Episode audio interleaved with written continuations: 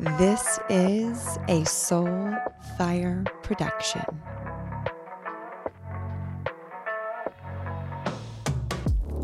Welcome to the Embodied Woman podcast. If you are new, welcome. If you are a regular, I love you. I love you. I love you. Today, I am bringing you Ashley Hann. She is so magnetic, so embodied, and in this conversation, she shares wisdom for mama entrepreneurs. We talk about branding. We talk about how to show up online in a space that allows you to feel seen and in alignment. So, this conversation is going to be more geared towards coaches and mentors. And those of you who maybe aren't a coach or mentor can also pick up a lot of golden nuggets here if you're a mom as well. How to create balance, how whenever life throws you curveballs, like getting pregnant unexpectedly, can actually be one of your greatest gifts. So, Ashley Hann is an online brand strategist, a coach, an author, a podcast host, and a purpose driven entrepreneur. She is on a mission to create a lasting ripple effect in the world and helping people show up fully in their magic through making sure that their branding and their messaging most aligns with their soul's purpose. So, get excited for this conversation with Ashley Hann. It is a powerful one. Welcome back or to the Embodied Woman podcast. I am so excited for today's guest, Miss Ashley Hann. Welcome to the show. Thank you so much for having me, Taylor. I am so excited. I love this. Before we dive into all the juiciness that is you and just what makes you you, iterations of self, personal branding, like alchemy, all of that. I like to ask every guest, what does being an embodied woman mean to you? Mm, I was actually just speaking about this. I think a huge, I mean, there's a lot to that, but something that I really feel like highlighting and presencing that I feel like can be super overlooked, especially in this whole spiritual self development world, I feel like so much of us are always trying to ascend to becoming this certain person. And we think that there's parts of ourselves that we need to get away from in order to get there. And what I believe is so important to realize is when it comes to our shadow self, being a fully embodied woman, a fully embodied leader means we also get to be fully integrated with our shadow. Mm-hmm. And I cannot tell you like I just had this this conversation with one of my clients and she was getting so frustrated. She's like, "I thought I worked on this part of me and I thought that would be gone by now." Da, da, da. I'm like, "Girl, girl, like embrace that part of you. That part of you is your shadow and she will be with you for your lifetime, baby. I was like, so that, I mean, this is not probably how I would typically answer this question, but it just feels super juicy and alive for me because I was just yeah. talking about how important it is to integrate our shadows and learn to dance with our shadows and have that be part of who we are to actually that our shadows can elevate us even further into our light. That's what I believe. Yeah. Yeah. Oh, I love this. As someone who loves shadow work and alchemy and as we refer to in untamed the dark feminine alchemist where when we learn to go into the shadow self and bring her forward we become more whole embodied women. So love love that response from you. So so on point. How has integrating your shadow self supported who you be now? Yeah so, parts of myself that I used to really resist is my so I have this shadow of being an overanalyzer and being like rigid and overthinking. And so I have that part of me, right? And so what's awesome is that part of me also serves me really well in many places because it has me be super detail oriented. It has me be super integrous with everything that I do and all these things but I wasn't able to fully, fully embody my mm. lights and my gifts of this part of me until I was able to love the shadow parts of that aspect of me. And this isn't just an example of one of them. I have many, but I would say this is the one that always sticks out the most. And it's something like Gerard teases me about, you know, and I've called her Analyzer Annie. and now I just think she's so cute. She comes out and I'm like, mm-hmm. oh, so cute, Analyzer Annie, you know? Mm-hmm. And I'm not like, before, whereas before I would just be like, oh, like, why do I always do this? Like, I always, and it was just, you know, what we resist persists. I would just push against her. So she would push back at me. And I feel that that was a really powerful thing for me to fully integrate into myself because mm-hmm. now I have that as my superpower. Whereas before mm-hmm. it, it wasn't because I was like pushing that part of me away. Yeah. It's especially as entrepreneurs, when we can learn to embrace those aspects of ourselves, it actually becomes a massive benefit to stay organized and on track and then be aware whenever I love the name Annie, Analyzer Annie. so good. It's like, okay, giving the name to it. And when it arises, this is just an aspect of who I be. It's not the whole of who I be. And mm-hmm. therefore, how can I use her for good and her for support and not being you know put into a different track with her. So so powerful. And you have recently had how old is your daughter now? A year old? A little over a year? she's actually almost two in four months oh my gosh be, two! i know it's it trust me i'm telling you it is like what? How, where did the wow. last two years go? It's just wild. They when they say it goes by in the blink of an eye so I, I get it now. I get it It does. And whilst you have an almost two year old, I got to meet you at we connected at our, our mutual friend Mel's bachelorette party. And what stood out about you immediately was this like beautiful ownership of who you be. And those are like my kind of people. And that's why we gravitated to each other, I think, immediately of like, oh, I see you. I see you like owning all of who you be. And it's a beautiful gift to the world and other women when women can truly own that and be in that. And no matter what that represents and what that brings, it's such a gift. So I want to start off with that reflection of of who you be and that owningness of it.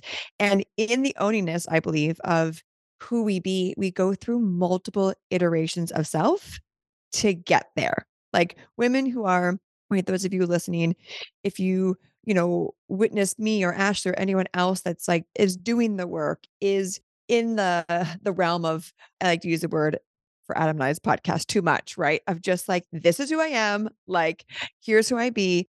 It can be like, how did they get there? I want to be like that. Or what's the kind of work that needed to happen to become that? So let's even go back maybe the past two years, pre baby.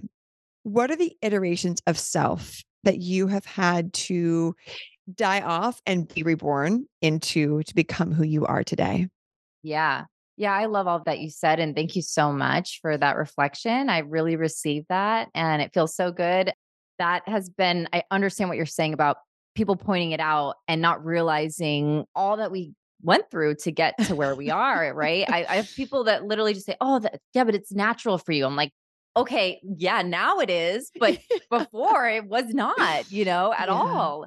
But yeah, so I mean, and you're saying asking me before Skyla, or are you saying after? Yeah, like take like yeah, pre Skyla of like okay, what aspects of self had to die off to become who yeah. you be now? Right, your first child. That's a whole identity shift. Yeah, yeah, yeah. Honestly, like for me, the whole parts of me that had to die happened right when she was born. Like I was like, mm. I had mm. this it's the death of the maiden you know that's that's really what happened and because the thing is is she was not a planned pregnancy so it's not like i have friends who they prepared for it and they're like all right you know they prepare for like stepping into mother you know the divine mother sometimes years ahead of time at least months or so ahead of time no, for me, it was just completely unexpected. And this is why it's perfect medicine for me because remember how I told you, Analyzer Annie, she's rigid. She has an agenda. She has a plan for her life and she knows what she wants to do and when she wants to do it and what timing and what place and how it's going to get, you know, like that is Analyzer Annie. And so, of course, it was super triggering in the most visceral way because obviously I've been triggered throughout my life and triggers are my teachers and they bring everything forth that I get to further purify. But in this case, this is a child. Like, this is a little different than any other thing that's ever like this was just I remember staring at that stick in the bathroom just it was like six in the morning and that day we were flying out to greece and i literally was just staring at it in shock kind of waiting for my eyes to refocus and the two lines to go back to one line you know? And and i'm like all right minutes have gone by it is still the two two lines are there all right. It was i honestly babe and i felt some guilt about this initially I was in a dark space. I wouldn't, I like kind of isolated. I didn't really talk to anybody about it except for like maybe one friend and my mom. I went into just this spiral of mm. just depression and anxiety. And it was like, and Gerard was like the complete opposite. I show him the stick and he's jumping, literally jumping on the bed.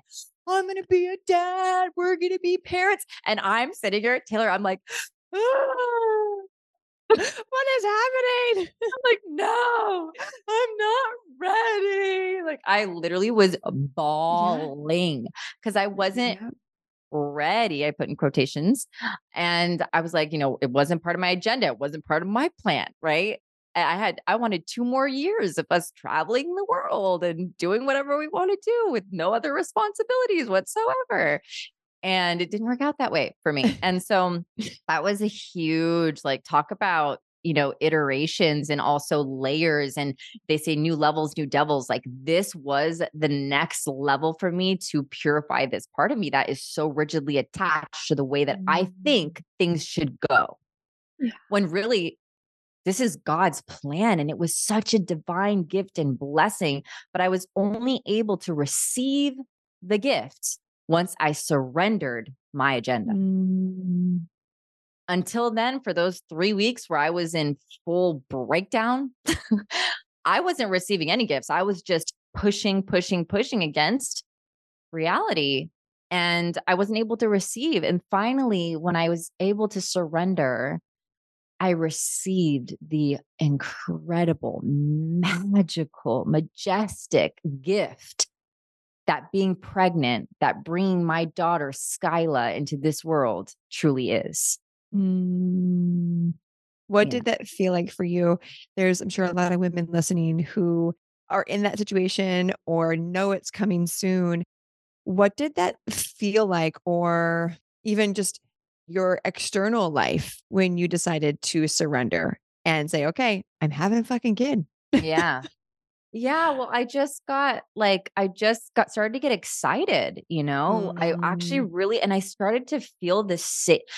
There is nothing that I can really there's no other way I can describe being pregnant other than being sacred. Like it literally feels the feeling of if sacred was bottled up in a little bottle and you could drink that and feel sacred, that's what it feels mm-hmm. like, at least for me. Mm-hmm. That's what it felt like. As soon as I, of course, was able to, like I said, surrender and receive yeah. I felt the most sacred I've ever felt in my life. So much so that mm-hmm. honestly, what mm-hmm. sometimes I like miss the feeling of being pregnant because I did. It just was such like a ooey gooey, juicy, sacred yeah. feeling.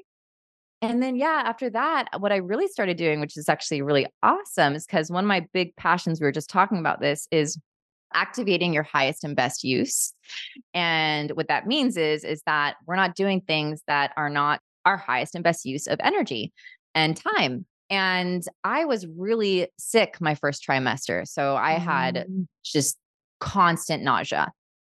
Obviously, when you're nauseous, you don't feel like working at all. right. I'm like, I don't want to work. I just wanted to lay in bed all day, but I still wanted to be making the money. Actually, I wanted to be making more money. And so I got to do a whole rewire and recalibration of my belief system mm. into wait, working less, I make more money. Mm. And so I did like a mm. whole recalibration on that, which was, you know, probably a, a process of about a close to a month. And I kid you not, that following month, which was the month that I worked the least I'd ever worked in the history of time, I probably worked a total of 10 hours that month, maybe 12 for the entire month. I made the most money I'd ever made that month. I made more than mm-hmm. double my average that I was making just a couple months prior for that whole last year. It was wild. Yeah. Mm. Yeah. what so did you like, implement in that? What was your like, yeah, what was like the the physical things? We got some type A listeners here that are like, okay, Yeah. tell me how you did it. yeah. So I'm a systems girl. So I really tightened my systems. When I say I, I actually wasn't really the one actually in there doing it. I have a team that would do it. I have like my right hand girl. So I would have these ideas come through to tighten the system and then I would have her on it so that it didn't need as much of mm-hmm. me. I started just delegating so much more than I was before. And things that I I remember thinking before like no, there's no way I can't not do that. Right? Like you always have these things where you're like, but I've got to do that because you know, it's just the best for the business if I do that thing or whatever that thing is. And like there was things where I really had trouble letting go of control in the past that I Mm. just again, systems is is a big piece to it because if you don't have a good system then then you don't have a, the supporting foundation to really have that task or procedure whatever it is actually be successful. But yeah, I basically de- delegated a lot more, tightened up all of my systems, and I did a lot of every single day. This is more like in the spiritual aspect of things, but I did it every single day. I would choose into my new beliefs, and I had about like Mm. I would say 15 to 20 of them that every single day I would choose into them and then I would embody them for every single day. So I would choose to embody to actually act from those beliefs every day. And that's when that following month everything just shifted for me. Mm. Yeah. We love details here. What were some of those beliefs that you had? So I choose to believe that I make well this is the the big one that I chose chosen too is I choose to believe that the less I work the more money I make and whenever I would kind of prove this one out it's like well because the less I work that means like I'm actually getting to delegate and I'm getting to build my team which allows the capacity of my team to grow so we actually generate we have the ability to we have like a bigger container to receive even more money right Yeah. Oh, a big one. I think I, sh- I I don't remember if I showed this on on my podcast with you, but my how because I have a whole, as you know, as an analyzer, I can really cling to the how and how things need to get done. So I would say I choose to believe that it is not actually my job to know the how. That my job is simply to Mhm. declare it, to believe it, to embody it, to take aligned action, and that the how will reveal itself after it's already been done. So that was a big one for me because I would have this thought of like, you know, every time that I would think about the income goal or what I wanted to generate, I would go right into, well, how am I going to do that? Yeah. So that was a huge one for me. I got to choose into. Yeah. Mm, so powerful. I love the the word choice. And I think I shared on your podcast is right. We choose our choices. We don't let our choices choose us. And so for you to be choosing these choices that are what I'm hearing empowering, action taking, delegating while you're pregnant, right, sets you up for massive success. And then to be able to replicate that post pregnancy and then see that continue to grow is such a a beautiful thing because if one person can do it, someone else can do it. So let's fast forward to you've given birth to Skyla. What are some of your practices now to one, continue to embody this iteration of self that you are and to continue to grow your business at the same time? Yeah. So I have something that I got off track with when I first had Skyla, which is very common. You know, it's a whole, whole life change that happens, is my morning ritual. You know, and Mm, I am a morning ritual maniac. same days. Everyone listening is like, yep, uh-huh, yep. Yeah. I'm like Same days. yeah, super maniac about my, my morning ritual. So at first, you know, of course, like, you know, you're barely sleeping, newborn phases, all the things. So it got out of whack. After that, it was what was happening was like, oh, I was having trouble creating like the juicy time that I used to create because I wasn't asking for support from Gerard.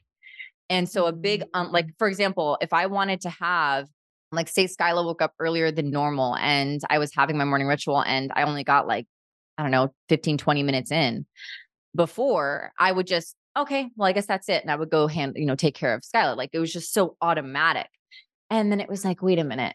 I could just ask Gerard. Like I can just ask him for support.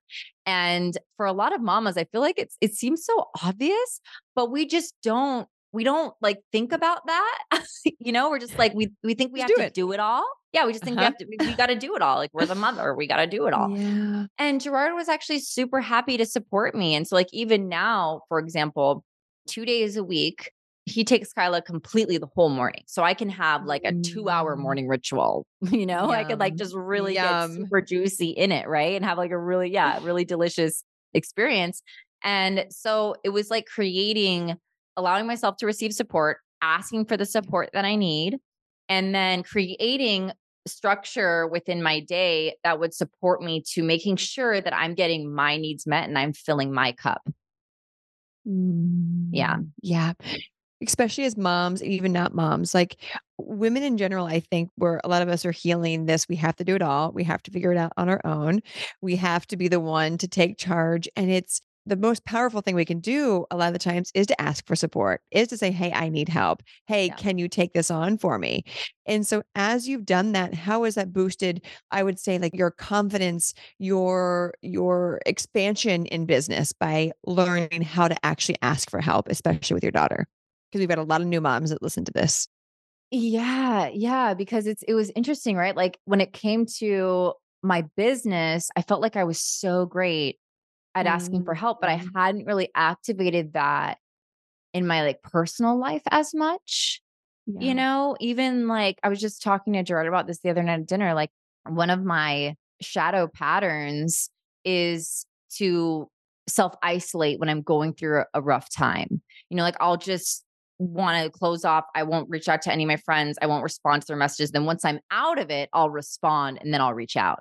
Right. So I'm not allowing myself to receive support from anyone. I'm like, nope, I got to go through this darkness alone. I'm sure ladies listening can relate to this because it is a pretty Same, raising right? both of my hands over here. Yeah. I'm like, I know nothing about this. I know nothing about this. right and so it's yeah it was like i think a, yeah just an opportunity to really purify that part of me and to see like all right i mean i was going through a really challenging part of my journey recently and i really was i leaned into sisterhood i really leaned into Mhm. sisterhood and normally i would not have done that and i think that really that's just a testament to what I've grown through in being a mom. And like, as moms, we really get to ask for support. It's so important. And, people want to support us. You know, our partners want to support us. We just don't give them the chance to. Our friends want to support us. We just don't give them the chance to. And so, yeah, for me, it was a powerful aha moment that's definitely translated into my personal relationships. I feel a lot closer, which was a big thing I was calling in. And back of my mind was worried it wouldn't happen because now I'm a mom and now I don't have all the time, blah, blah, blah, blah, blah. All those stories is that I wanted to deepen my sisterhood, my relationships with other women in my life that I care about. And it's happened because I've allowed myself to be seen and supported as I'm navigating my own darkness. Mm, and that's it's such a, a beautiful path that we can walk on as women like- like kind of circling back to the beginning of that permission slip that reminder of hey like this is what we're doing. We can ask for help. We can lean on our sisters. Like we can embrace all aspects of ourselves so we can be supported so we can be seen and vice versa right? The reciprocity can be there of Yeah. we know we love to help our sisters and our friends so allowing them to help us is a as a reciprocity gift Mhm. Yeah, it's it's the best gift that you can get. It feels so Yeah. good to give that gift. yeah And I think also it's like for me, a big thing is that story that my shadow tells me all the time is, well, you need to hold it to you're the one that holds it together. Like you need to have it together. Right. And so you don't want them to know same that girl you, same right. You, you don't know, you don't want them to know that you don't have it all together. It's like so silly. So actually, one of the things, so I have these women's retreats, and every retreat, especially this last one was the biggest one around this. I make it a point to set the example. If I want vulnerability, guess what? Guess who gets to be vulnerable? Guess who gets to go all the way with their vulnerability? If I want those women to Mm. even go even partially of the way, I get to go all the way, right? Because it starts with me. And and I used to have this thing like when I led my first retreat ever, like I thought that I needed to just, you know, I'm the host, like I'm leader, like, oh no, no, I don't need to go there. That's for them. You know, it just is like so silly wh- where that comes from. Mm. And every retreat, I challenge myself more and more and more to allow myself to be seen raw, like the rawest, realest. Like I cry, I get snotty, I I let all I let my mess be be completely seen. And I did it in the biggest way ever this last retreat it was literally on the first day and I just start breaking down, sobbing in front of everybody. Mm. And it was such a powerful moment. It had us all connect deeper. And then, literally, just after that, you just see each woman just, you know, breaking their masks and allowing themselves to be seen in a deeply vulnerable, healing way. And so, yeah, I just think that it's such a beautiful opportunity like that happens in in retreats in these spaces but with friendships too it like deepens that connection. That's why my sisterhood right now with my friendships feels so nourishing and deep and, and good is because i have allowed myself to be seen in my mess with them. So it's deep in that connection. Mm, and how has that supported you with becoming an even better leader? So, women that are listening to this show, we have a lot of up and coming leaders, leaders who are truly stepping into it. And so, just speaking to them, they're maybe on the edge of being that vulnerable leader, but like, okay, how do I do that? How do I get over that first hump? Yeah. So, I like to this analogy that I love is like going to the gym and like you're trying to build your booty, right?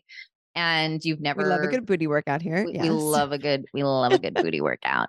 and so like you imagine you you haven't really worked on your butt before, you've never really done these kinds of workouts. The first few reps that you do are going to probably feel really uncomfortable, awkward, you won't even know if you're doing it right. But the way that we build that muscle, the way that it even becomes feeling like a more natural, let's say squat or lunge or whatever it is that you're doing, is through repetition, is through the practice. And so the most important thing when like you want to, for example, be a vulnerable leader, you want to be heart led, you want to be vulnerable, and you want to be integrous, is to just start, even just small. You know, the first time you go work out and build that booty, you're probably going to do a lot, a lot less volume, maybe a lot less reps than you will as you move more and more and, and keep practicing more and more. So, in the same mm. way, start small do one thing that each day that actually is you come up against that edge of vulnerability choose to expand beyond it. Choose to share it with somebody. Choose to post something on your on your instagram that you would never normally share you know? It's just like putting in those those reps consistently is what has us start to create that in an even more confident and natural way Powerful. And let's even go like micro with the Instagram. So I know you support other leaders with branding and all of the, the beautiful alchemy of bringing their personal essence online. How can people be vulnerable online without, like my, what's the word for it? Where there's a line I see of vulnerability from a place of like, woe is me, and vulnerability from a place of embodiment. How can people start to lean into the second one? Yeah. So, one thing that I always say is when you're sharing something that's like really vulnerable or something that's been challenging that you've been going through, be clear on what the lesson is that you've mm-hmm. gotten from it before you share. So that's just like my like what I'm learning is or what I've learned is, right? And it doesn't have to be said in that exact way but i found that that's more of an it's not you're moving from victim to empowered like embracing the fact that yes you're going through this darkness or this pain or this challenge that you're going through right now and here's what you're learning that's really like empowering for you and other people. So that for me makes a big difference in the content, right? Because then it's not like you said, woe is me, kind of complaining or whatever that is, that victim energy. It's like, all right, here's what's happening. And it feels this way and it sucks and it da da da da da da. And what I'm learning is blah, blah, blah, blah, blah. And what I'm excited about next is da da da da da or whatever, right? So that's kind of yes. how I would, yeah. Beautiful. I love going in with the intention of, okay, what's the lesson I'm going to share after this? Because I, it's easy, I believe in today's world to you want to be vulnerable you want to share but then i do see people sharing it from a place with no like intention at the end Mhm, and so i mhm, yep. love which is empowering which is supportive for your community so if you you're listening and you want to be supportive and be vulnerable there i love the question of like what's the the gift in this? What's the lesson in this? Where am i going? because it shows your community too of okay i'm allowed to be in my my mess and also still focus on getting out of the mess and Yeah. where i'm going to go. And so let's weave into a little bit more into branding and personal branding because i know that's one of your superpowers and gifts. So let's say let's talk to the woman who she just shifted into a new iteration of self like she did she just did a bunch of ego deaths and maybe went on a, a deep spiritual journey and now she's stepping more into her power than ever before how do you best recommend going about let's say like reintroducing or introducing who she be now Mm. online Yeah. So, I mean, I'm the way that I would, I mean, this is kind of different for everybody, Mhm. but I'm a huge fan of a coming out post. Like, that's for me where it's like you're actually like, you're not dancing around, it, you're not suddenly one day posting this type of content. Like, you're like, hey, this is the dark night of the soul that I just went through. This is what I've realized. And from now on, this is what you can expect from me. You know, it's like, it's just like, it's really claiming your power and claiming your mission with them and what you've, you know, the mess that you've turned into your message to your mission now. And yeah, I actually would really, I would, I used to have masterminds with women who are, were on either shifting from like a nine to five and moving into their own career or like they, or they started their own business, but hadn't like really pushed it forward yet. Mm.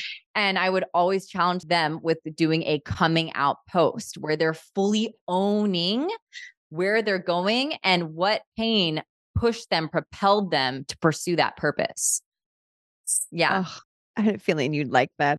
That's part of your your jam. Like I like the coming out. I Yeah. usually call it the yeah, the next iteration, like reintroduction of Yeah. next iteration of self. And the coming out is so perfect. So women who have been doing that dance of how do I I hate I don't even like to use the word pivot. Like how do I shift into this next aspect of sharing? And it's just coming out. Like Yep. You just, so mhm. perfect. So how can women so she's done her coming out she's now embracing who she is sharing her new medicine what is her next step to make sure that she stays like you said, we're like on brand with her like visuals or even just her overall branding as a whole someone who's just beginning that shift Yeah. So wh- when we talk about branding, I mean, it's it's different.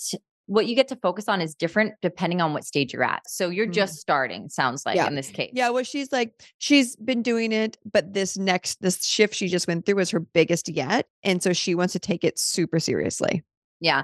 So I get really clear on your brand pillars. Like, what are the Mm. pillars? There's usually like three to four that you are focusing in on. Like these are your these are your verticals, these are your focuses, and you're going to be building your content around those three to four pillars. So also when it comes to like aesthetic, I always say like if you're in the beginning stages, don't obsess too much over that. What matters the most, Mhm. honestly, is your message at this point. Like you're really refining your message. You're refining who am I speaking to? Right? Who am I speaking to? And you're creating videos and content as if you are speaking to that person.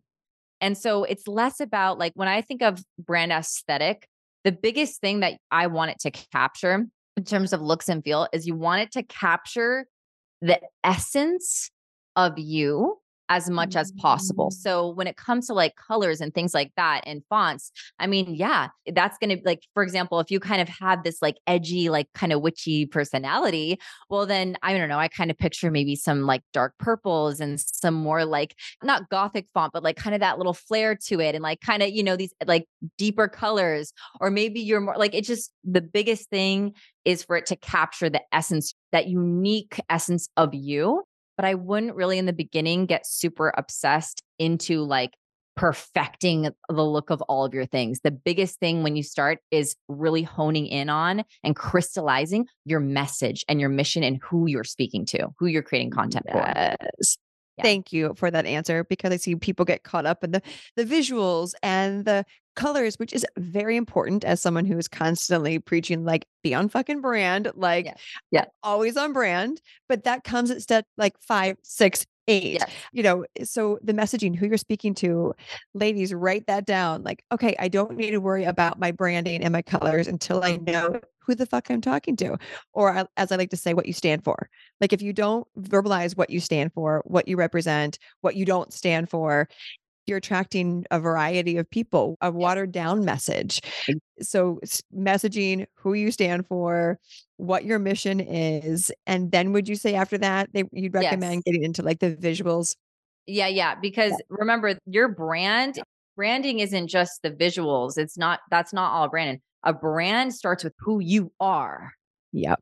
Like yep. your brand is you.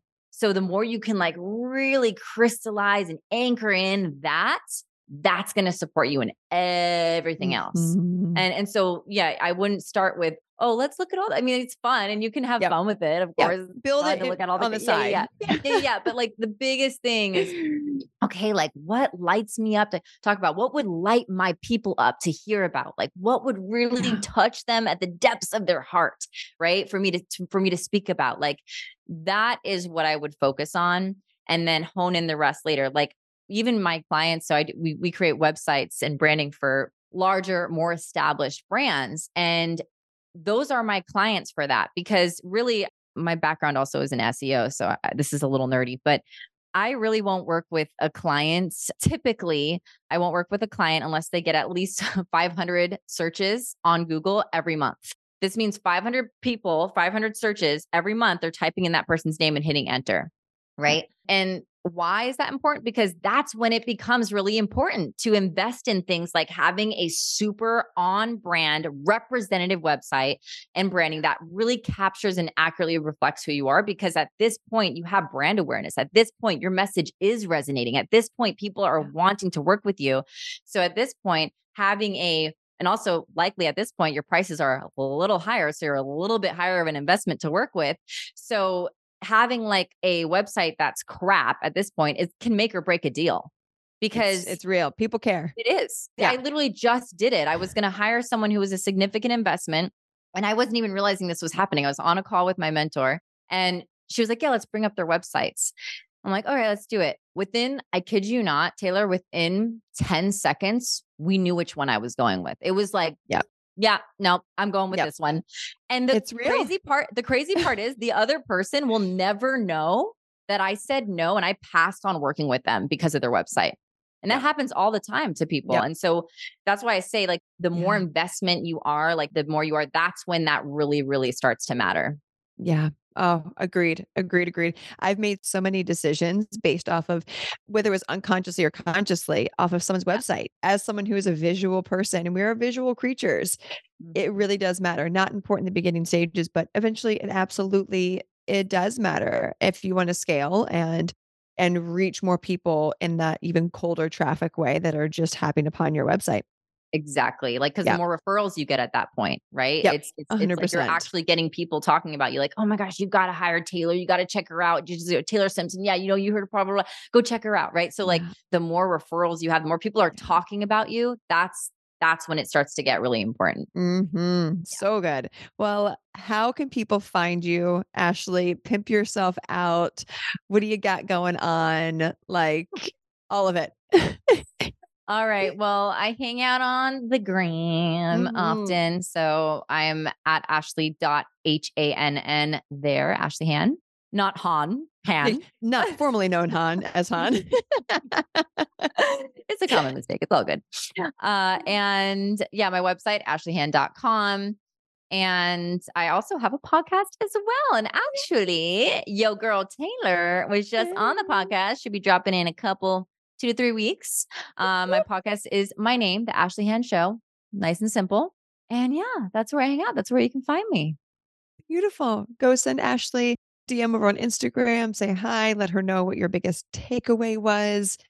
Oh, so good. Thank you for showing up. I love where we went with the weaving of the maiden to the mother and that permission slip of you can have children, you can continue to scale your business, you can learn how to delegate, you can ask for help. Like this was such a permission granted conversation that I think a lot of new moms, moms to be, and moms needed to hear. So thank you for your vulnerability. Thank you for sharing the importance of bringing all of yourself forward. You are are such a gift and a a light in this world. So thank you for being who you are. Oh, thank you, Taylor. It was so much Mhm. fun. And I just love you and appreciate you so much. Likewise, and I'll get to see you in Costa Rica in a few days. We're going to twerk. We're gonna we're gonna be twerking the whole fucking time. Get your legs ready. Get your legs Already ready. know. so good. Thank you everyone for hanging out, for listening. As always, choose happiness, choose joy, choose rage, whatever it is, just choose it because why the fuck not? I'll talk to you on the next episode. Bye.